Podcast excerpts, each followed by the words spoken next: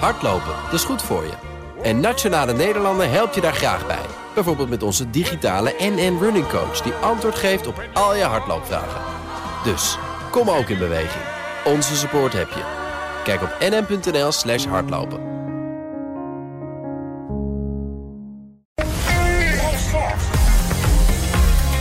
BNR Nieuwsradio.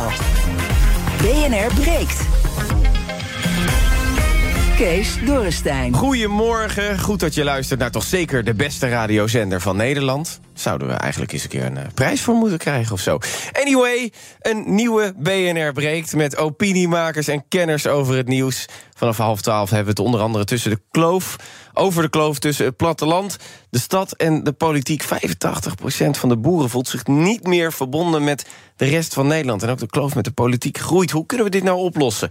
Nou, daar gaan we het onder andere over hebben met Joram van Velzen... voorzitter van de LSVB, de Landelijke Studentenvakbond. Welkom weer. Ja, goedemorgen. En Iris Vergeer, voorzitter van Dwars... de jonge organisatie van GroenLinks is dat, hè? Goedemorgen. Maar ja, ook, zeker. ook niet, niet helemaal daaraan verbonden, toch? Het is niet zo dat als Jesse jou nu een appje stuurt... dat, dat je dat ook moet zeggen. Geleerd aan GroenLinks. We mogen helemaal zelf bepalen wat we zeggen. Oké, kijk, dat is belangrijk. We gaan beginnen. BNR breekt. Breekijzer. Ja, dat heeft eh, te maken met chipbedrijf ASML. Dat zal vast eh, in spanning naar Amerika kijken vandaag. Want er lijkt vandaag ook een akkoord te komen... tussen Nederland en de VS over de verkoop van chipmachines aan China, schrijft het FD. Een Nederlandse delegatie is afgereisd naar Washington... om over de verkoop van die chipmachines te praten. Amerika wil die geavanceerde technologie niet in Chinese handen hebben. En FD-redacteur Bas Knoop daarover. Die DUV-chips die zitten bijvoorbeeld in, in huistuin- en keukenapparatuur... maar kunnen ook gebruikt worden uh, met de, de juiste technologie in, in wapensystemen. Dus de Amerikanen die, uh, die voeren al langere tijd druk om uh, de export ook van die uh, chipmachines naar China te, gaan, te gaan blokkeren. Uit vrees dat de Chinezen die chips ook gaan gebruiken in hun, in hun wapensystemen. De belangrijkste vraag is nu: moeten wij gehoor geven aan die druk? Daarom ons breekijzer. High-tech chiptechnologie naar China sturen is ongelooflijk dom. 020 468 4 keer 0 Wat denk jij? Denk je bijvoorbeeld eens? Ja, het is veel te gevaarlijk om China al die technologie te geven. Die, die stevenen ons voorbij.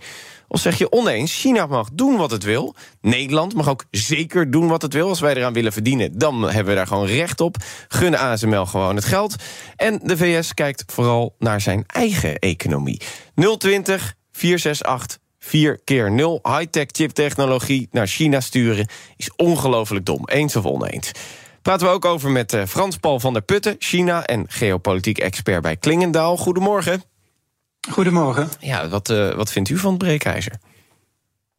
Nou ja, er is, um, dat is een heel breed terrein, hè, geavanceerde chiptechnologie. Dus het hangt er maar helemaal vanaf wat, uh, waar het precies om gaat. En, en het hangt er ook vanaf waarom je dat wel of niet doet. Ja, daar gaan we zo meteen dieper op in. Eerst even naar het panel. Joram, eens of oneens? Ja, ik, uh, ik, ik, zou hem toch wel net wat genuanceerder willen zeggen. Ik denk dat, dat er zeker risico's aan vastzitten om, uh, om uh, nou, geavanceerde technologie rondom chips naar, naar China te sturen. Aan de andere kant zijn we ook zo afhankelijk van China. Dus we zullen dat wel, toch wel in enige mate zullen doen om überhaupt deze manier van leven in stand te kunnen ja, Wat vind je ervan dat Amerika nu eigenlijk... Kijk, wij, wij gaan er zelf over, Nederland... Ja. Maar op, op, het moment dat je dat dus niet doet... dan gaat Amerika ook wel een beetje boos worden. Ja. Mogelijk. Ja. Uh, die willen dit namelijk uh, heel graag. Wat, wat vind je ervan dat wij dan nu daar langs moeten... om hierover te praten? Ja, dat is natuurlijk heel lastig. Hè? Uh, als opeens Amerika zich gaat bemoeien met de keuze die wij maken als land. Tegelijkertijd zijn er natuurlijk ook gewoon logische veiligheidsbelangen. Ehm, maar dat schopt een aantal mensen toch wel behoorlijk tegen het verkeerde been, ik het idee. Iris, eens of oneens? Ik sta er ook wat genuanceerder in. Uh, aan de ene kant, we hebben het vaker gehad over China. En uh, er zijn de serieuze veiligheidsrisico's aan die geavanceerde technologie uh, in Chinese handen brengen. Maar er zijn zoveel soorten chips en het gaat om zoveel soorten technologie dat het te makkelijk is om te zeggen: je kan het nooit doen. En het is sowieso niet de bedoeling dat we dat alleen maar doen omdat Amerika dat niet wil. We moeten vooral onze eigen afweging daarin maken. Dus kunnen wij tussen Amerika en China in gaan staan? Dat we gewoon zeggen: oké, okay, we blijven een soort van neutraal Zwitserland, we leveren aan iedereen. Ik, ik, denk dat, dat dat geopolitiek heel ingewikkeld, een ingewikkelde situatie gaat worden. En ik denk dat we er nu, er nu al tussenin gezet worden. Uh, maar dat het vooral is Amerika is die dat, die dat nu doet, door ons onder druk te zetten om dit wel of niet te doen. Dus dat we er door Amerika nu al tussenin gezet worden. Maar we moeten vooral uh, kijken naar andere landen in Europa. En samen een, een, sterker machtsblok gaan vormen tegenover Amerika. Dat is de enige manier om, om er niet alleen als Nederland tussenin te komen, is samen met andere Europese landen te kijken wat doen jullie en hoe gaan we dit oplossen. Ja, 020 468 4 keer 0 Je kan nog steeds bellen op het breekijzer. High-tech chiptechnologie naar China sturen is ongelooflijk dom. Ik zie dat er veel mensen bellen, dus af en toe kan je lijn niet opgepikt worden. Dus blijf even bellen. 020 468 4 keer 0 En dan kom je er vanzelf wel eh, doorheen. Terug even naar uh, Frans Paul van der Putten. China en geopolitiek expert dus bij Klingendaal. Frans Paul, de VS zegt met die chipmachines kan China wapens maken. Is dat een reële zorg? Nou ja, met die chipsmachines kun je chips maken en die kunnen voor van alles en nog wat gebruikt worden. En inderdaad ook voor wapens. Maar waar de Amerikanen uh, zich vooral zorgen over maken is um, hele geavanceerde chips die kunnen gebruikt worden voor de hele geavanceerde wapens van de toekomst. En dat heeft allemaal te maken met kunstmatige intelligentie. Oké, maar dan gaan we direct eventjes in de materie duiken. Want het is al zo dat ASML levert de, de meest geavanceerde Extreme Ultraviolet apparaten al niet meer aan China. De VS wil nu ook dat de volgende stap, die we gewoon mogen leveren volgens de afspraken, de Deep Ultraviolet apparaten wel geleverd worden. Wat kan eh, China met die DUV's? ik denk dat, dat daar vooral twee zorgen zijn aan de Amerikaanse kant. De ene is dat China die machines kan gebruiken, in, eventueel in combinatie met andere technologie, om toch nog behoorlijk geavanceerde chips te maken. Um, en de andere zorg is dat China met die machines sneller in staat zal zijn om uiteindelijk een, een eigen uh, chipsindustrie op te zetten die zo geavanceerd is dat China helemaal zelf ook deze, dit soort machines kan maken. Oh, dus, dus dit kan dan wel weer een basis zijn om zelf die extreme ultraviolet apparaten te maken? Uh, extreme ultraviolet, maar of misschien andere uh, technologie die gebruikt kan worden uh, voor dat einddoel, tenminste dat, dat doel waar Amerika zich zo zorgen over maakt, hele sterke, hele geavanceerde chips maken die gebruikt kunnen worden voor hele ingewikkelde kunstmatige intelligentie ja, dus berekeningen. Ze, ze kijken vooral naar de lange termijn dus, maar dan denk ik ook, kijken ze eigenlijk ook niet gewoon naar de eigen economie. Gewoon eigen economie eerst, beschermen. We willen niet dat China geavanceerder wordt dan, dan wij. Ja, ik denk dat we daar realistisch in moeten zijn. Amerikaanse bedrijven concurreren met Europese bedrijven. Dus dat zal best mee kunnen spelen. En daarnaast is het ook zo dat ook het economische veld... het is niet alleen maar puur militair wat speelt tussen Amerika en China. Mm Uiteindelijk is ook de, uh, de geopolitieke concurrentiestrijd tussen die twee... gaat over invloed in de wereld. En invloed in de wereld is deels ook economisch. Dus ook doordat China technologisch steeds beter wordt en daarmee economisch ook concurrerender in de wereld, uh, kan China ook zijn, uh, zijn internationale invloed verder uitbreiden. We gaan even naar wat bellers. 020 468 4 keer 0 High-tech chiptechnologie naar China sturen is ongelooflijk dom. Huub, goedemorgen. Ja, goedemorgen, met u spreekt u. Hey, ik vind het iets te ver gaan. Ik vind het DO4 vind ik uh, prima, als men het, omdat Peter Wenning daar ook geen, uh, geen bezwaar ziet, hè, de CEO. Uh, ja, de CEO van ASML is dat, hè? Ja, ja. En ik vind het protectionisme van, van de VS toch echt wel iets te ver gaan. Dus ik, de IO4 moeten ze zeker niet doen, want ik denk inderdaad dat het een gewaagde stap zou zijn. En je ziet het ook bijvoorbeeld de TSMC in, in Taiwan, die wordt ook door, door, door de VS gewoon regels opgelegd. Dus, en dat gewoon... Dat gaat gewoon te ver.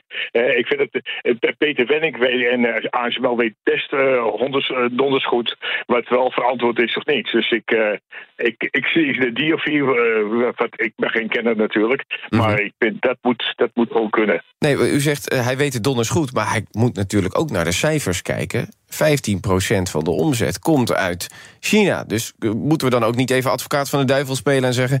dat zegt de heer Wenning, omdat hij ook die miljarden aan het einde van het jaar... wel in de boeken wil hebben staan. Ja, dat, dat, dat, dat, zie ik ook wel. Dat begrijp ik ook wel. Het is, het is voor hem natuurlijk een, een best een moeilijke afweging. Maar ik denk toch dat, dat hij daar toch over, overstag gaat. En, en bovendien, het, het, bedrijf groeit zo enorm hard. En een paar jaar geleden stond de koers op, op 200 uh, dollar. En we zitten nu al op nou, boven de 600 euro. Je zegt we. Heb je toen ingekocht? Uh, ja, ik, ik, ik, ik, heb, ik, heb, nou, ik, heb ze niet voor, ik heb ze helaas niet voor die prijs, maar ik heb, ze, ik, ik heb inderdaad uh, een goede marge. Heb ik, uh, ja, je, je, merkt als mensen in we gaan spreken, dan gaat het over voetbal of als je er zelf profijt van hebt, natuurlijk. Hè. Nou, Huub van Une. Ajax-aandeel heb ik ook. Maar dat is Oké, okay, dat compenseert dan weer, hè, denk ja, ik. Ja. Huub, dankjewel voor jouw reactie. we gaan naar Dre, die heeft ook gebeld. High-tech chip-technologie naar China sturen is ongelooflijk dom. 020 468 4 keer 0 Eens of oneens? Dre, goedemorgen. Nou, Dre is even weg. Nou, die zoeken we zo. Gaan we even naar Joseppe. Goedemorgen, Joseppe. Ja, goedemorgen. Ik uh, ben het niet uh, met de stelling mee eens. Ik denk dat, uh, zoals, de, zoals de vorige deelnemer heeft ook een beetje verteld, dat ik het mm -hmm. Even een klein beetje mee eens ben. Maar Amerika probeert de hele wereld in zijn karretje te spannen. Mm -hmm. Amerika probeert, probeert voor zijn eigen belangen te zorgen. Zoals in tijden van Trump hebben ze gezegd, America first. Mm -hmm. En dat blijft natuurlijk even zo. Dus stel voor dat dat, uh, dat zij straks uh, bereiken wat ze wilden, wat, wat hun eigen belangen en, en uh, bedoelingen betreft enzovoort. Dus niet alleen maar Nederland, welke andere landen ook op aarde of welke instantie geen SML, maar wie dan ook. Dan laten ze het vallen als een steenbak. Dus voor hun interesseert niet, het is precies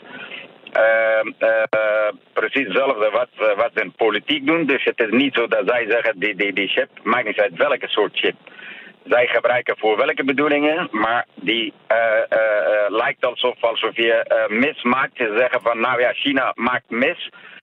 Met de mes ga je, ga je mensen vermoeden. Dus met mens kan je ook appels, appels schelen, maar met dezelfde mes kan je ook inderdaad mensen vermoeden. Ja, u zegt dus eigenlijk van, ze zijn een beetje selectief aan het kijken, want ze willen ook hun eigen economie beschermen. En dan geven ze maar als reden dat je inderdaad dat mes voor verkeerde dingen kan gebruiken. Dus Absoluut, de chips dus voor in dit geval, oorlogswapens. Absoluut, dus in dit geval wat mij betreft, ik vertrouw Amerika juist niet dan China. Het is niet zo dat China heilig is. Er zijn ook natuurlijk even uh, uh, iedereen, welke andere landen ook op, op aarde, zelfs Nederland, ons eigen Nederland, uh, probeert voor zijn eigen belang even een beetje op te komen en dergelijke. Maar Amerika zeker niet te vertrouwen. Dus in dit geval, als ik ASML was, dan zou ik even zeker mijn, mijn zaken blijven doen. Voor mij maakt niet uit wie dat doet, wat, wat je doet. Je, je kan ze toch niet tegenhouden. En, en ik kan u wel garanderen, op basis van mijn kennis, ik ben zelf ingenieur namelijk, dat je, dat je uh, binnen, binnen no time China kan ze, ze eigen uh, machines kunnen maken. Mm -hmm. dus op deze manier, je probeert China even um, wat te verspoedigen, wat, wat snelheid erachter te zetten, dat zij het even op een eigen been kunnen staan. Dus dit is niet eerlijk. En, en Joseppe, heel even, jij zegt ik ben engineer. Werk je voor ASML toevallig of niet? Nee, niet, niet, niet voor ASML. Ik, uh, ik zit in een telecombranche. Uh, Oké. Okay. Maar, uh, maar ik heb wel een beetje verstand van. Ah, kijk, kijk, dankjewel voor jouw reactie. Je kan nog steeds bellen 020 468 4 keer 0 High-tech chiptechnologie naar China sturen is ongelooflijk dom. Eens of oneens? BNR breekt. Kees Dorrestein. Terug even naar Frans Paul van der Putten, China en geopolitiek expert bij Klingendaal. Ondertussen kan je ook onze panelleden horen die hier natuurlijk zijn. Joram van Velsen en Iris Vergeer zijn hier nog steeds in de studio. Uh, Frans Paul, ik, voordat we even kijken naar wat er nou precies wel en niet mag. Stel dat we die DUV-machines, die chipmachines, niet meer aan China leveren. Kan dat dan ook gevolgen hebben voor ons dat daar producten mee gemaakt worden uh, die nu niet gemaakt kunnen worden en dus ook niet naar Europa gestuurd kunnen worden? Um, nou ja, ik, ik, ik denk dat um, um, er zijn al heel veel van die uh, uh, machines in China, die zijn al eerder verkocht, hè, dus er zijn er al een heleboel. Ik denk dat het meer gaat, dus ik denk niet dat, dat de specifieke producten dan plotseling niet meer gemaakt kunnen worden, maar gewoon dat er dan minder capaciteit is in China. Ah, oké. Dan, naar dat akkoord. Wordt dus gesproken, uh, het FD schrijft, er zou vandaag zomaar eens een akkoord eruit kunnen komen. Hoe zou zo'n akkoord eruit kunnen zien? Nou ja, dat, dat zou. Um, dat, dat is, daar is nog helemaal niks over bekend, dus daar is nog niks over naar buiten gekomen. Maar het feit dat er zo lang over gesproken is, duidt erop dat het best ingewikkeld zou kunnen zijn. Uh, dus dat, uh, uh, dat het niet een ja of nee is, dus helemaal geen DUV-machines meer, maar dat er, dat er allerlei voorwaarden zijn waaraan bepaalde machines, bepaalde types dan weer verbonden moeten voldoen. Um, En ehm, ja, het is op dit moment gewoon nog niet duidelijk. En het, is, het, zou zelfs zo kunnen zijn dat het ook niet helemaal duidelijk wordt nadat uh, akkoord er is. Want we zijn afhankelijk van of de Amerikaanse regering of, of de Nederlandse regering dat dan ook vervolgens helemaal openbaar gaat maken. Stel dat er een akkoord komt, um, is het dan inderdaad ook uh, geopolitiek interessant om het niet te delen? Zodat uh, China er niet heel veel wijzer van wordt, dat de media er niet over gaat berichten, zodat China niet boos wordt. Nou, dat, dat weet ik niet. Ik zou eerder denken dat het, dat het misschien gewoon zo ingewikkeld is dat, dat het steeds van de omstandigheden afhangt of een bepaald, uh, bepaalde technologie of bepaalde apparatuur wel of niet geëxporteerd mag worden. Oké, okay, dus dat het dan. Uh, waar, van welke omstandigheden dan? Heeft u een voorbeeld? Um, nou ja, wat precies de, de technologische toepassingen zijn van, uh, van die apparatuur. Ja, dus, dus maar er werd zelfs ook al gesproken, las ik ook in het FD Um, dat er dan misschien restricties komen van tot uh, 14 mm uh, nano of nanomillimeter uh, chips mag er, mag er dan niet geleverd worden. en daarboven dan weer wel. Want die, een, die ene die zouden dan sterk genoeg zijn om wapens mee te kunnen maken... en de andere dan weer niet. Kan het zo specifiek worden? Ja, dat vind ik moeilijk te zeggen. Ik denk dat het basisprincipe is dat, dat het een compromis zou kunnen zijn... tussen wat Amerika wil, namelijk eigenlijk zo weinig mogelijk technologie aan China verkopen. En wat Nederland wil, namelijk de marktpositie van ASML uh, overeind houden. Wij hebben daar regels voor. En we hebben tegenwoordig volgens mij gewoon internationale afspraken waarin staat dat ASML die DUV-machines mag leveren. Moeten die dan ook helemaal aangepast worden? Nou, volgens de huidige regels mogen ze geleverd worden. Alleen de geopolitieke context uh, is aan het veranderen. En daarom wilden de Verenigde Staten dat er opnieuw naar die uh, regels gekeken wordt. Um, en um, ja, het kan zijn dat hier in de toekomst ook weer nieuwe regels uit voort gaan komen. Nu, een, uh, een, verbod op die, die, verkoop van die DUV-machines... kan volgens FD-redacteur Knoop ook gevolgen hebben... voor Nederland buiten de chipindustrie. Even luisteren voor Nederland bij de afweging die nu wordt gemaakt. Ook om het uh, feit van, ja, gaan we nu niet een stap te ver? Hè? Wat betekent dit voor, voor de toeleveringsketen? China produceert veel chips die ook in onze huistuin- en keukenapparatuur zitten. En bovendien zijn we ook nog op het uh, gebied van, van zeldzame aardmetalen. Zoals bijvoorbeeld uh, de, de, grondstoffen voor onze windturbines, voor de batterij voor elektrische auto's. Zijn we afhankelijk van China? Wat gaat China doen als wij de export verder beperken? Trekken ze dan hun grondstoffenkaart? Ja, is dat een uh, reële optie?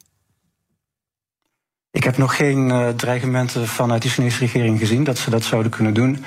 Um, ik denk, maar ik denk juist dat het ook, ja, dat het ook goed is voor ons om, dat, wij zijn inderdaad afhankelijk van China voor bepaalde zaken. Mm -hmm. Ik denk dat het ook goed is dat China ook van ons afhankelijk is van bepaalde zaken. Ja, dus, dus, dus, dus uh, op zich, als, uh, uh, wij hebben ook nog genoeg troefkaarten met die machines, zodat zij dit niet zomaar gaan zeggen. Ja, kijk, en er spelen natuurlijk heel veel zaken in onze relatie met China. Dus je moet het inderdaad in een bredere context zien. Um, dus er zijn bepaalde zaken die, waar, waarvan wij echt van China afhankelijk zijn.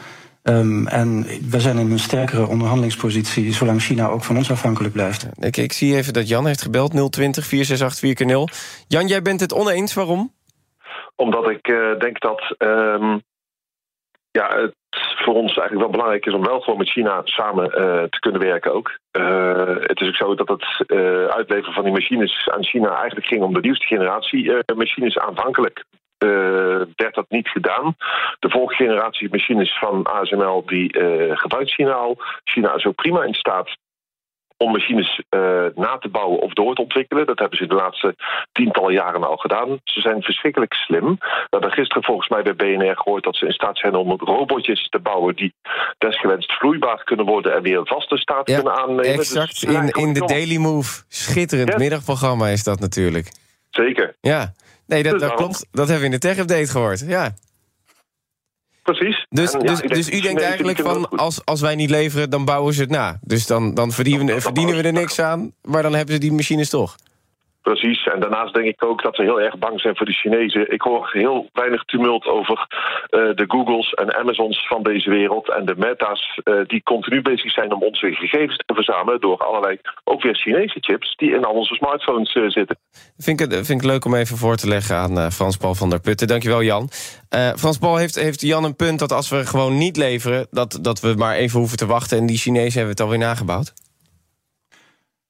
Ik denk dat uh, het is zeker een stimulans voor China om dan om dat nog meer te doen, om het zelf, zelf te kunnen. Um, maar hoe, hoe moeilijk dat is, of hoe makkelijk dat is, dat hangt helemaal af van de technologie. In dit geval voor deze machines zou ik dat niet durven zeggen. Kunnen wij zonder de VS, eigenlijk de VS, onze eigen koers varen? Dat we gewoon tussen China en de VS in gaan zitten? Als we ervoor zorgen dat er meer bedrijven die de machines kunnen maken, die de chips kunnen maken, in Europa komen. En die ontwikkeling is nu ook gaande om ervoor te zorgen dat dat in Europa kan. En ik denk dat we niet te makkelijk moeten praten over afhankelijkheid van China. Want het is wel uh, een autoritair regime wat op dit moment ook genocide aan het plegen is, los van, los van de militaire veiligheid voor ons. Dus de vraag is: wil je überhaupt handel, handel voeren met China? Los van kun je, kun je er wapens mee maken? En die machines gaan nu niet alleen maar naar China, gaan ook naar bijvoorbeeld eh, Taiwan en andere landen in Azië, uh, waar die chips nu al gemaakt worden, waar, waar we die spullen ook kunnen kopen. Dus ik zou niet te makkelijk willen zeggen, we zijn afhankelijk van China, dus moeten, moeten we hier maar mee doorgaan. Zouden we, Joram, eh, tussen de twee partijen in kunnen zitten, tussen de VS en China, zonder een kant te kiezen? Ik denk dat dat wel ook een beetje het doel is van het akkoord wat nu gesloten gaat worden. Tegelijkertijd um, is die afhankelijkheid van China wel echt enorm. En dat is in ons dagelijks leven, maar onze, ook onze hele economie is afhankelijk van inderdaad een uh, totalitair regime waar, waar van alles mis mee is. Maar tegelijkertijd is ons leven nu wel zo ingericht dat alles, deze, deze hele uitzending wordt gemaakt uh, door dingen die worden geproduceerd in China. Anders was deze uitzending niet, uh, niet mogelijk. Nou, ik weet niet, ik weet niet precies waar deze apparatuur allemaal vandaan komt. Daar moet ik even hoofdtechniek voor gaan. Nou ja, ik denk dat er, dat er een hele grote kans is dat er heel veel dingen hier in de studio ook bijvoorbeeld uit China komen. Dus ehm, dan moeten we ook kritisch gaan kijken naar hoe zijn onze levens ingericht en waar zijn we allemaal afhankelijk van voordat we uh, enorme samenwerking met China gaan uitsluiten. Ja, dan even naar Frans Paul van der Putten. Um, zou Nederland een neutrale rol tussen de VS en China eh, kunnen spelen? Of komen we dan toch gewoon in een handelsoorlog terecht waar we een kant moeten kiezen? Wij kunnen zeker geen neutrale rol spelen, omdat wij afhankelijk zijn van Amerika voor onze veiligheid. Via de NAVO. En dat heeft dan vooral met Rusland te maken. Um, dus in die omstandigheden kan dat helemaal niet. Wij zijn gewoon aan Amerika verbonden. Uh, maar het is wel zo dat we al steeds meer een tussenpositie hebben... waarin we ook steeds meer een keuze moeten gaan maken. Dus dat wordt steeds moeilijker. Ja, is, uh, uiteindelijk sturen we dan toch niet af op een handelsconflict... met Europa tegen China? Um, ja, als de Amerikaanse druk blijft toenemen... dan komen we steeds meer in zo'n positie. Maar ik denk dat dat juist en daarom is dit ook zo belangrijk, wat, wat nu gebeurt. Uh, die gesprekken over ASML en die, die technologie. Mm -hmm. um, juist in een, in een wereld waarin geopolitiek steeds belangrijker wordt, betekent dat ook dus dat het ook steeds meer uitmaakt wat de nationaliteit van een bedrijf is. Is het Amerikaans, Chinees of Europees? Ja, ja, ja. Dat maakt echt wat uit. Dus voor ons. Maar dus het maakt straks niet meer uit als het Europees is, want dan kies je toch eigenlijk de Amerikaanse kant. Ja, maar je kunt uh, uh, dat proces niet helemaal Wij, wij moeten wel meebewegen met Amerika.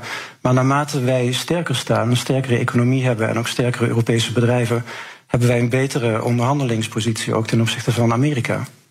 Frans-Paul van der Putten, China en geopolitiek expert bij Klingendaal. Dank u wel. Zometeen met het panel praten we verder over, nou, in de woorden van Martien Meiland. Nou, het is al half twaalf en lekker aan de bij, bij, bij, Nou, het is ook bijna half twaalf, uh, maar het is ook dodelijk. In ieder geval, Ierland wil eenzelfde label als op de sigarettenpakjes op wijnflessen laten zetten. En dat levert een groot Europees probleem op. Italië en Frankrijk zijn boos. Hebben we het zo meteen over na de reclame en het nieuws. Business Booster. Hey ondernemer, KPN heeft nu Business Boosters. Deals die jouw bedrijf echt vooruit helpen. Zoals nu, zakelijk tv en internet, inclusief narrowcasting... de eerste 9 maanden voor maar 30 euro per maand. Beleef het EK samen met je klanten in de hoogste kwaliteit. Kijk op kpn.com slash businessbooster. Business Booster. Hardlopen, dat is goed voor je. En Nationale Nederlanden helpt je daar graag bij. Bijvoorbeeld met onze digitale NN Running Coach... die antwoord geeft op al je hardloopvragen. Dus, kom ook in beweging. Onze support heb je. Kijk op nn.nl slash hardlopen.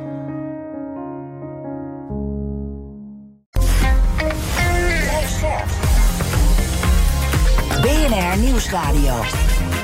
BNR breekt. Kees Dorrestein. Ja, goedemorgen. Goed dat je er nog steeds bij bent of net inschakelt. Uh, ondertussen uh, het panel vandaag. Iris Vergeer, voorzitter van, uh, van Dwars, de jonge organisatie van GroenLinks natuurlijk. En Joram van Velsen, voorzitter van de LSVB, Landelijk Studentenvakbond. Tijdens het nieuws al een discussie over het alcoholbeleid van de twee verschillende clubs. Gaan we het zo meteen over hebben. Maar jullie hebben daar wel een verschillend beleid in, dus dat vind ik wel interessant. Want uh, Ierland wil dat we straks ook van die waarschuwingen van op sigarettenpakjes ook op wijnflessen en op andere alcoholflessen gaan zien. Maar eerst, ja, het is iets over half twaalf geweest. Tijd voor het Media Weekoverzicht. Ja, thank you very much. We werden de Oekraïne ook Kampfpanzer zur Verfügung stellen vom Typ Leopard 2. Duitsland heeft na lang gesteggel deze week toegezegd... om Leopard 2 tanks aan Oekraïne te geven. En diezelfde dag kwam ook het hoge woord eruit bij Joe Biden. The United States will be sending 31 Abram tanks to Ukraine. En wat doet Nederland? Als het helpt dat Nederland ook meedoet, dan zijn wij daartoe bereid. We hebben van die tanks geleased en die zou je kunnen kopen en doorleveren. Die gesprekken zijn gaande. Het kan ook zijn dat men zegt, nou het komt ons beter uit als je die tanks op een andere manier inzet. Dus dat gesprek is gaande. Nou, voormalig commandant van de Nederlandse landmacht, Marten Kruijf, denkt dat dit mogelijk de slagkracht is die Oekraïne nodig heeft om de grote mobilisatie van Rusland aan te kunnen. Deze oorlog gaat echt dit jaar worden beslist. De Russen schrapen alles bij elkaar wat ze hebben. Oekraïne schraapt alles bij elkaar wat ze hebben. En je weet, de komende maanden komt dat culminatiepunt, zoals het zo chic heet in militaire termen. Dan weet je wie gaat winnen en niet. En dan als Oekraïne schraap je alles bij elkaar wat je kunt hebben. Maar elke tank, dat is er weer één. In de Rotterdamse rechtbank begon deze week de zaak tegen Richard de Mos... de Haagse oud-wethouder die terecht staat voor corruptie. De Mos zegt dat hij eh, echt niet aan voor wat hoort wat heeft gedaan. Dat probeer ik u uit te leggen. Dat is dus niet gebeurd. Ik deed het voor iedereen. Ik loop voor iedereen hard. Ja. Als mensen een probleem hebben, dan bellen ze me op. En dat gebeurt heel veel. Dan probeer ik dat probleem op te lossen. En uiteindelijk zijn er een aantal mensen die, die, die doneren. Minister Adema van Landbouw had ook wat uit te leggen. Hij had uh, tegen de boeren gezegd dat er een uh, overgangsperiode zou komen... voor de strengere Europese mestregels. Maar dat was niet zo. Brussel stuurde een brief en Adema stuurde die niet naar de Kamer. En dus moest hij door het stof. Maar voor beide zaken, uh, voor het geval van de informatie aan de Kamer... maar vooral ook aan al die boerengezinnen... bied ik mijn ex excuses vandaag aan. Veel bedrijfscijfers ook deze week. Opvallend goede voor Tesla. Record profits for the fourth quarter. Record quarterly profits for Tesla. As well as record quarterly revenues of 37% in the fourth quarter. But the gross auto margin is getting a lot of attention. It came down much lower than people were expecting, coming in at 24.3%. The street was at 26.2%. Remember, some of that is because they cut prices in China to stoke demand. Microsoft kwam ook met cijfers. We hebben het over winstdaling, maar uh, desalniettemin kom je met 16,2 miljard nog uh, op een alleszins acceptabel niveau, zou ik willen zeggen. Ja, de winst daalde, maar de clouddiensten presteerden hartstikke goed, zei het bedrijf. Maar uh, wacht even. Ja, direct na de presentatie lagen de clouddiensten er juist uit. Wereldwijd. Teams, Outlook en Office deden het niet, zorgden voor veel problemen bij bedrijven en overheden. Ja, en de Nederlandse trots Lightyear kwam ook met schokkende cijfers. Rode cijfers. Want het bedrijf is failliet. Het begin van de week dachten we nog... oh, er gaat een dochteronderneming failliet. Nou ja, vervelend, ze kunnen gewoon doorgaan. Maar wat blijkt nu uit nieuwe informatie... is dat bijvoorbeeld de ontwikkeling van het massamodel, de, de, de 2...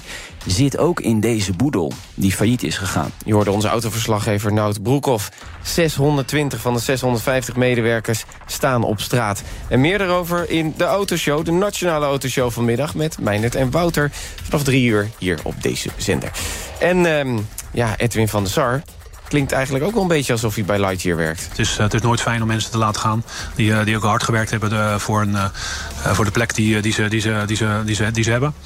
en op dat moment is het ja, voor mij, voor ons inderdaad, denk ik als clubleiding, ja, niet meer, niet meer ja, te doen eigenlijk om, om hiermee door te gaan. Maar dat ging dan weer gewoon over het ontslag van Schreuder als trainer van Ajax.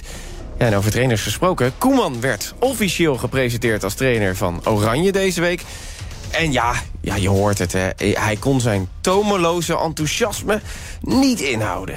Deze baan is een, uh, ja, laat ik het zo omschrijven, als een erebaan. En volgens mij heb ik dat toen ook al, al gezegd toen, uh, toen ik gepresenteerd werd in 2018. Het is nu uh, 23 en super blij en trots dat ik wederom deze kans krijg. Nieuws van vandaag. Er is een diepe verdeeldheid tussen de stad het platteland en de politiek. Dat blijkt uit onderzoek van het AD en Agrarisch Weekblad Nieuwe Oogst. Bijna 60% van de Nederlanders vindt dat er een kloof is in de samenleving. Vooral boeren lijken zich af te keren van de rest. 85% van hen zegt zich ver van de rest van Nederland te voelen. En maar 6% van die boeren heeft vertrouwen in de regering en in Den Haag. En ook de media, daar, daar, daar, is ook, ontstaat ook een kloof tussen. Hebben geen vertrouwen in de media, de boeren. Um, ja, ik ben een boerenzoon. Dus ja, als je dan iemand moet vertrouwen, denk ik, uh, vertrouw mij gewoon. Als je boer bent en je luistert. Uh, maar daar gaat het nu niet over. Want de vraag is natuurlijk vooral hoe we dit uh, moeten dichten. Maar allereerst, uh, Joram, verbaasden deze cijfers je? Uh, aan de ene kant wel, omdat ik niet had verwacht dat die kloof zo groot zou zijn. Maar aan de andere kant, ja, het is ook niet, niet gek met alle boerenprotesten die we natuurlijk hebben gezien. de verhalen die we die hier soms ook horen van bellers over het wantrouwen richting de politiek in Den Haag. Um, maar het doet me wel heel veel pijn dat er zo'n groot deel van Nederland ja, toch wel zoveel wantrouwen voelt. Iris, hoe sta jij erin? Volgens mij was de conclusie van het artikel niet per se... die kloof is heel groot, want, want ja, die, die cijfers over vertrouwen in de politiek en zo, die zijn er. Maar de conclusie was ook uh, dat, dat boeren en mensen in de stad eigenlijk ook best wel hetzelfde denken. Dat ze allebei vinden dat er meer naar boeren geluisterd moet worden. Dat ze allebei vinden uh, dat regio's meer betrokken moet, moeten worden. Dat media meer over lokale issues uh, en regio's moeten rapporteren. Dus eigenlijk was de conclusie denk ik vooral eensgezindheid. En is die, die kloof ook iets wat we maken waardoor het zichzelf weer in stand houdt. Want als we blijven zeggen dat die, dat die kloof er is, uh, dan, dan is die kloof er ook. Ja, maar toch, uh, er was ook wel, er werd wel gewezen naar Den Haag, dat de kloof daar het vertrouwen, uh, zeker vanuit het platteland en ook zeker vanuit de boeren vooral. Um, erg slecht is. Zeker, en dat is ook, ook logisch. Stikstof heeft er natuurlijk een rol, een, een rol in gespeeld. Uh, en uh, wat, wat denk ik vooral het schofferen van boeren is geweest, is decennia lang doen uh, alsof het wel goed komt en het uitstellen van het echt aanpakken van het probleem. Uh, waardoor die Gewoon niet eerlijk zijn. Niet, niet eerlijk zijn. En de eerlijke realiteit is dat we niet door kunnen met landbouw op de manier dat we, dat we nu doen. Uh, maar als we respect voor boeren hebben en als we boeren erbij willen houden, dan moeten we dat, dan moeten we dat verhaal wel eerlijk vertellen. Ja, dan maar, kunnen we daar niet omheen draaien. Wordt dat dan wel eerlijk verteld? Want Adema moest weer deze week zijn excuses maken, omdat hij had gesuggereerd van... nou, er kan wel een overgangsregeling komen... maar nee, we moeten nu direct al uh, aan de mestregels van Europa gaan voldoen... en het gaan afbouwen richting ja, 2016. En dat is dus precies het probleem, dat er weer een voorbeeld is... van Europese regels en gewoon dingen die moeten gebeuren... waar we niet eerlijk over zijn. Uh, en dat gaat voor mij respect voor, voor boeren. En het gaat, het gaat ook niet alleen maar over, over stikstof... want er gebeurt veel meer in de regio's als je het hebt over bijvoorbeeld dat, dat OV weer veel minder gaat worden, dat de regio's gewoon minder bereikbaar gaan worden. Uh, en, en, en zo creëren we die kloof toch zelf? Die, die, die kloof wordt door, door de regering op dit moment gecreëerd. Inderdaad, door niet te investeren in OV in de regio's. En ook daarin vooral te focussen. Het budget voor OV gaat voornamelijk naar de randstad. Uh, terwijl op heel veel plekken heel veel, bereik, heel veel bereikbaarheidsissues zijn. Als je kijkt naar die lelielijn, als dat een randstad was, uh, was geweest, was dat al lang gefixt. Ik kom zelf uit, uit een gebied bij de Duitse grens, waar er gewoon geen trein meer tussen Duitsland en Nederland was. Wat, waar er één keer per uur een bus gaat. Uh, en en dat, soort, dat soort issues. Ik denk dat dat ook bijdraagt aan het gevoel van we worden niet, niet gehoord, we worden niet meegenomen, want maar we zijn letterlijk niet bereikbaar. Ja, maar hoe kunnen wij dit op gaan lossen? Want dat die problemen er zijn, dat is bekend, dat blijkt ook uit onderzoek.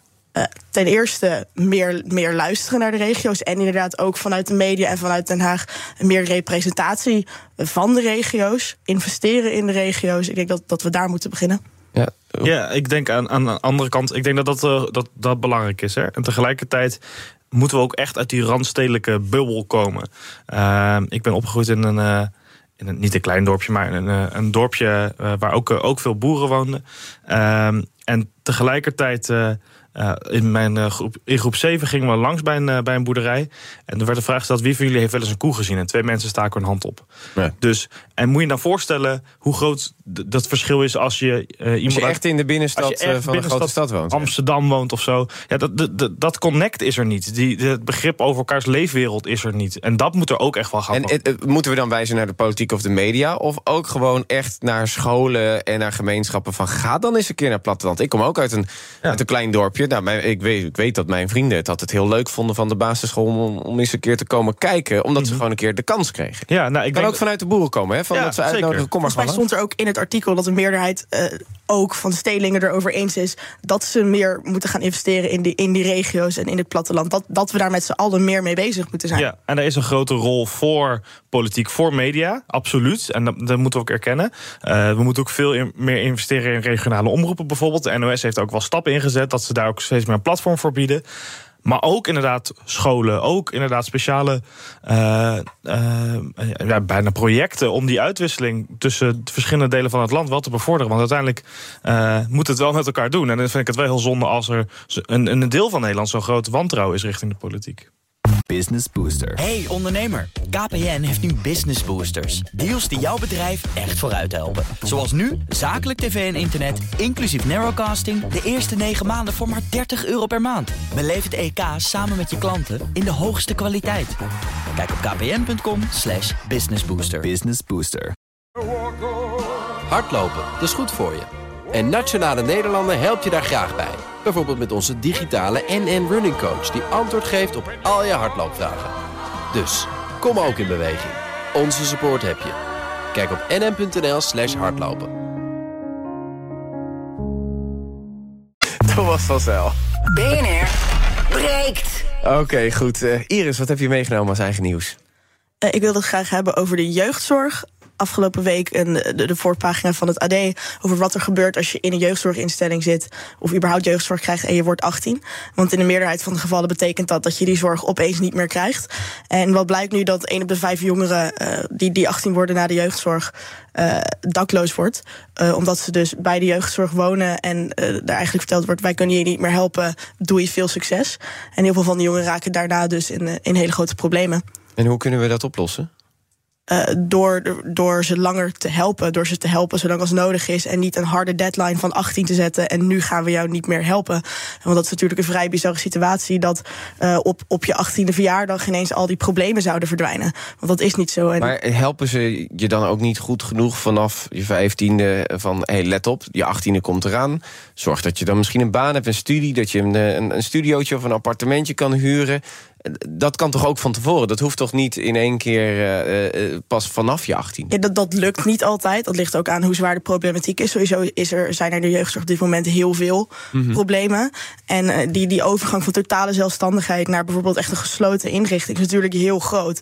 En eh, het kan niet zo zijn dat je van de een op de andere dag zegt dat, dat kan niet meer. En kan er een beter overgangstraject zijn naar je 18e verjaardag toe? Denk ik wel. Ik denk dat dat voor heel veel jongeren wel mogelijk is. Maar voor nu eh, loopt het in de jeugdzorg al niet goed. En, en is er gewoon meer tijd nodig om jongeren te helpen. En zijn die problemen niet magisch verdwenen als je 18 wordt? Nee, precies. Dus dat is een, een, een les die nog eh, geleerd kan worden. In ieder geval blijkt uit dat artikel. Eh, Joram, je hebt ook eigen nieuws meegenomen. Ja, zeker weten. Over het, eh, over het Koninklijk Huis. En dan zou je denken, huh, wa- waarom is dit nou zo relevant? Ja. Eh, nou, heel specifiek. Er gaat een, een, eh, een koninklijke delegatie naar het Caribisch deel van het, eh, van het Koninkrijk gaan. En nu gaat voor de eerste keer ook Amalia mee op die reis. En wat bijzonder is, dat eh, er in het programma ook een speciaal onderdeel is met focus op het slavernijverleden. Nou is dat natuurlijk de laatste tijd sowieso een best wel groot ding. Zeker, maar eh, betekent dat dan ook dat Amalia daar nog, een, nog eens excuses gaat maken? Of- Nee, ik denk niet excuses. Maar hoe het vaak wel wordt geïnterpreteerd is dat, dat er eigenlijk nog wel losse eindjes eh, openstaan eh, rondom het, het, het koninklijk huis en het slavernijverleden. Ja, zeker. Met de gouden koets had je dat natuurlijk. Is, is daar ondertussen al alles duidelijk over? Of mogen zij zelf ook nog wel wat meer openheid van zaken geven? Nou, ze gaan daar dus nog wel een onderzoek over doen. Eh, eh, koning Willem-Alexander heeft ook gezegd dat daar een onderzoek gedaan gaat worden naar de rol van het, eh, het koninklijk huis daarin. Eh, en het zou natuurlijk heel mooi zijn als Amalia op een gegeven moment koningin wordt. Dat daar, ja, dat noemen ze dan met een schone lei beginnen. Dat eigenlijk al die dingen. Dus die is nu al, al opgelost. aan, aan het schoonpoetsen. Nou, ja, nee, schoonpoetsen niet. Maar het gaat wel om eerlijk erkennen. En, en, eh, en je, je rol daarin ook eh, benoemen. En ik vind het eh, heel, heel nobel van Willem-Alexander dat hij dat eigenlijk doet. En ook zijn dochter daarin meeneemt om ook bewust te zijn van de negatieve kanten in ons verleden. En de rol die ze zelf erin Maar gaat, gaat Willem-Alexander zelf ook? Hij gaat zelf ook mee ja, Ja. naar die delegatie. Oh, Oké, dus het is de koning, koningin en, en de prinses. Ja, ja. En wat, wat gaat Amalia dan doen? Ze, ze zit nog in de studententijd. Wat, wat heeft zij nu eraan toe te voegen, denk ik. Nou, dat is natuurlijk altijd wel een vraag rondom het, eh, het Koninklijk Huis. Hè. Ehm, aan de andere kant eh, zie je wel dat het voor mensen een hele grote meerwaarde heeft. Een gevoel van erkenning als mensen uit het Koningshuis eh, langskomen. Dus ze gaan bijvoorbeeld langs eh, bij wat ze dan de, de slavenhutjes noemden. De tot slaafgemaakte bij de, bij de zoutplantages. Om daar ook nou, die verhalen daar op te halen. En dus ook erkenning te geven aan, aan, aan, aan de mensen die daar... eh, Dus jij vindt dit een goede stap? ik vind het een goede stap. Uiteindelijk gaat het natuurlijk om concretere stappen die Mhm. gezet moeten worden. Maar het is een heel goed begin voor deze kroonprinses. Dan gaan we het hebben over wijn. Eh, dat is, ja, het is heel vroeg. De vijf zit, ja, het is nu 11 uur 50. Dus technisch gezien zit de vijf in de klok. Maar eh, ik, wil niemand aanmoedigen. Maar eh, Ierland wil namelijk duidelijkere waarschuwingen op de verpakking van alcoholhoudende dranken. Want zij zeggen, ja, door het drinken van alcohol heb je bijvoorbeeld hogere kans op kanker. Als je bij sigaretten verplicht eh, bent om, als je dat maakt als producent, de gezondheidsrisico's, met zo'n kader en dan de tekst eh, eh, wat het voor je gezondheid betekent, erop moet zetten, dan kan dat ook met wijn. En daarom vroeg ze toestemming bij de Europese Commissie om stickers op wijnflessen. En ja, de Europese Commissie had geen bezwaar. Ja, en daardoor is een soort van gek precedent geschept. Want daardoor zeggen ze eigenlijk, nou, dat mag en moet over heel Europa. Want je dwingt nu ook de wijnboeren in Italië en in Frankrijk om het op alle flessen te zetten. Want ja, anders moet je alleen flessen met een apart label produceren voor Ierland. Nou ja, Italië, Frankrijk staan op de achterste poten. Want die denken, ja, wat is dit nu? Wat gebeurt ons eh, in ieder geval? En Italië zegt zelfs, dit is een aanval op het mediterrane dieet. Ja, dan mag je zelf je conclusie aantrekken. Eh, allereerst, eh, ja, is dit een goed plan van Ierland? Joram. Ehm, nou, ik denk hoe we. Sommige mensen daar nu over denken. eh, als in waarom zou je dat doen? Kom op, zeg. Het een wijnfles. Zo werd vroeger ook over gedacht toen we dit bij, eh, bij eh, rookverpakkingen wilden doen. Dus ik denk dat we wel een soort verandering zitten waarbij dit soort dingen steeds geaccepteerder worden. En ik denk dat we ook serieus moeten kijken naar onze volksgezondheid. En de, de boeren die hier eh, ook wel over klagen, hè, de- die wijnboeren, daar hebben we het echt over multimiljonairs. Hè. Dat zijn niet kleine eh Ja, mediterraanse ja, boertjes. het, het wisselt wel heel eventjes. Eh, als je naar Frankrijk en Italië kijkt, net zoals dat we in Nederland grotere en kleinere boeren hebben, heb je dat ook qua wijnboeren daar. Ja, dus maar- we kunnen ze niet allemaal als multimiljonair. Nee, maar deze grote lobbyorganisatie die hier natuurlijk tegen aan het schoppen is, dat, dat zijn echte multimiljonairs die hier achter zitten. En ja, die gaan het niet opeens enorm blut raken van een labeltje wat op die wijnfles zit. Iris, wat vind jij van dit plan? Het lijkt mij een heel goed idee. Ik denk dat volksgezondheid sowieso belangrijker is eh, dan, dan het belang van die producenten. En het is ook niet alsof we alcohol gaan verbieden. Maar alcohol heeft nu een hele gekke plek in de samenleving. Want eigenlijk is alcohol net zo schadelijk als heel veel andere drugs. die we wel eh, hard verbieden en waar wel een taboe op is. Maar alcohol is om een of andere reden wel normaal. En het lijkt me goed om alcohol minder normaal te, te maken. Dus uiteindelijk ook voor te zorgen dat, eh, dat je überhaupt niet meer kunt, kunt adverteren voor alcohol. En dat een, een beetje een Scandinavië-stijl. Dat je van die winkeltjes hebt waar je, waar je apart alcohol en sigaretten eh, kan kopen. Dus, ook, ook een stuk duurder dan? Eh, je- ja, in die winkels is alcohol inderdaad ook een stuk vind je dan ook dat dat in Nederland eh, moet gebeuren? Ja, ik denk het wel. Want als je, als je kijkt naar de effecten van alcohol, dan is het gewoon net zo schadelijk als, als heel veel andere drugs. En dat gaat ook al om hele kleine hoeveelheden, hoeveelheden alcohol, die gewoon best wel schadelijk zijn. Dus ik denk dat je, dat je best iets mag doen aan de normalisering van alcohol ten opzichte van andere drugs op dit moment. En dat betekent niet dat je het moet gaan verbieden, maar dat, je wel, eh, maar dat het niet gek is om de gezondheidsrisico's duidelijk te maken en, en goed na te denken over of je drinkt, wat je drinkt en hoeveel je drinkt. Ik vind het wel opvallend. Van de landelijke studentenvakbond. Dwars zit ook veel studenten in. Dat jullie al, allemaal zo, eigenlijk zo kritisch zijn op het alcoholgebruik. Ja. Terwijl ja, jullie doelgroep, eh, die zit eraan. Ja, nou, ik, ik, een deel van de doelgroep. Hè. Dus het is ook belangrijk omdat niet elke student eh, hetzelfde is. Hoe regelen jullie dit bij de LSVB? Op feestjes en bols? Nou, als, eh, een praktisch voorbeeld. Wij hebben een bondenweekend waar met, waarbij met onze leden, onze lidbonden, gaan we een weekendje weg om eh, elkaar te leren kennen en ook kennis te delen. En dan hebben we bijvoorbeeld een aparte ruimte waarbij mensen kunnen zitten die het niet fijn vinden om heel erg in die zuipsfeer te zitten, maar wel even rustig willen zitten. Nou, dat soort dingen, daar willen we wel zorg voor dragen. Om het ook inclusief te maken voor mensen. Wordt het ook vaak gebruikt, zo'n ruimte? dan? Ja, dat is heel wisselend. Soms eh, vinden mensen het fijn om die optie wel te hebben. En soms vinden mensen om het fijn om daar vanwege eh, gewoon wat minder prikkels daar te zitten. Maar er zijn ook zeker mensen die gewoon zeggen: nee, ik vind het fijner om even mezelf af te zonnen op zo'n moment. En die mogelijkheid moet er wel zijn. Ja, dus eh, Iris, mogen jullie als jullie een borrel hebben, mag jij dat dan declareren bij Dwars? Uh, bier en wijn wel, sterke drank en, en speciaal biertjes en, en, en, dat soort zaken niet. Het, het, feest is wel gewoon met iedereen in dezelfde ruimte. Maar uh, er, er moet ook altijd fris en water en zo zijn. En we mogen ook niet een borrel adverteren zeg maar, en, en alleen maar, alleen maar dat, dat, dat het een plek is om alcohol te gaan maar drinken. Jullie mogen er moet dus wel altijd ook een alternatief dus zijn. moedig dwars het dan ook toch niet een beetje aan? Want je mag het declareren. Ja, als je eerst je drankje mag declareren, maar dan kun je net zo goed uh, fris of water. Dus we supporten niet specifiek alcohol. En ik heb sowieso het idee dat bij onze vereniging uh, het heel normaal is om niet te drinken. Ik drink zelf niet. Um, en je kan net zo goed meedoen aan de feestjes en alle activiteiten bij ons als je niet drinkt. En er is af en toe een borrel, daar wordt bier, wijn gedronken. En uh, soms wordt de eerste daarvan gedeclareerd. Maar ik vind het al een goede stap om te zeggen: sterke dranken zo declareren we sowieso niet. En het is bij ons echt net zo normaal om, om fris te bestellen versus bier, wijn. Ik heb niet het idee uh, dat het echt gesupport wordt, wordt om specifiek alcohol te gaan drinken bij deze. Ik geef een klap op de uitzending aan de koffie. Want het is gewoon nog te vroeg, hè, jongens.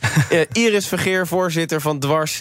Joram van Velsen, voorzitter van de LSVB. Maandag een nieuwe BNR Breed. Je kan ons blijven volgen op de socials... en de, de aflevering ook als podcast in de BNR-app terugluisteren. Zometeen BNR Zaken doen met Thomas van Zel. Tot volgende week. Business Booster. Hey ondernemer, KPN heeft nu Business Boosters. Deals die jouw bedrijf echt vooruit helpen. Zoals nu, zakelijk tv en internet, inclusief narrowcasting... de eerste 9 maanden voor maar 30 euro per maand. Beleef het EK samen met je klanten in de hoogste kwaliteit. Kijk op kpn.com businessbooster. Business Booster.